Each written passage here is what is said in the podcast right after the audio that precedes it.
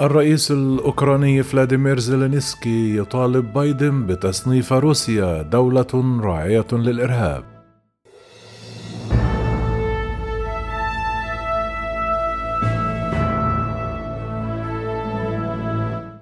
كشفت مصادر مطلعة اليوم الجمعة أن الرئيس الأوكراني فلاديمير زيلينسكي ناشد الرئيس الأمريكي جو بايدن بشكل مباشر أن تدرج الولايات المتحدة روسيا على لائحة الدول الراعية للإرهاب وأضافت المصادر أن بايدن لم يعد باتخاذ إجراءات محددة في هذه المكالمة الهاتفية وذلك بحسب صحيفة الواشنطن بوست.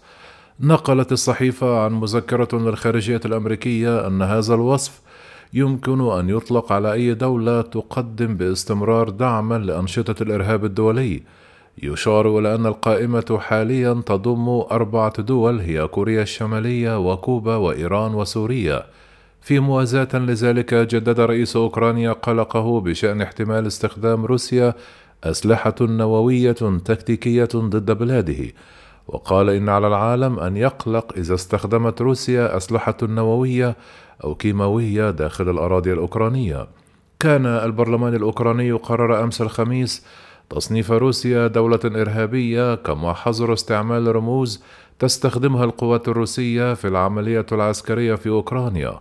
وقالت وسائل الإعلام الأوكرانية أن الرمزين المحظورين هما زي وفي وأضافت تم تصنيف روسيا دولة إرهابية يستهدف نظامها السيادي الإبادة الجماعية للشعب الأوكراني وممارسة التدمير والقتل الجماعي للمواطنين الأوكرانيين.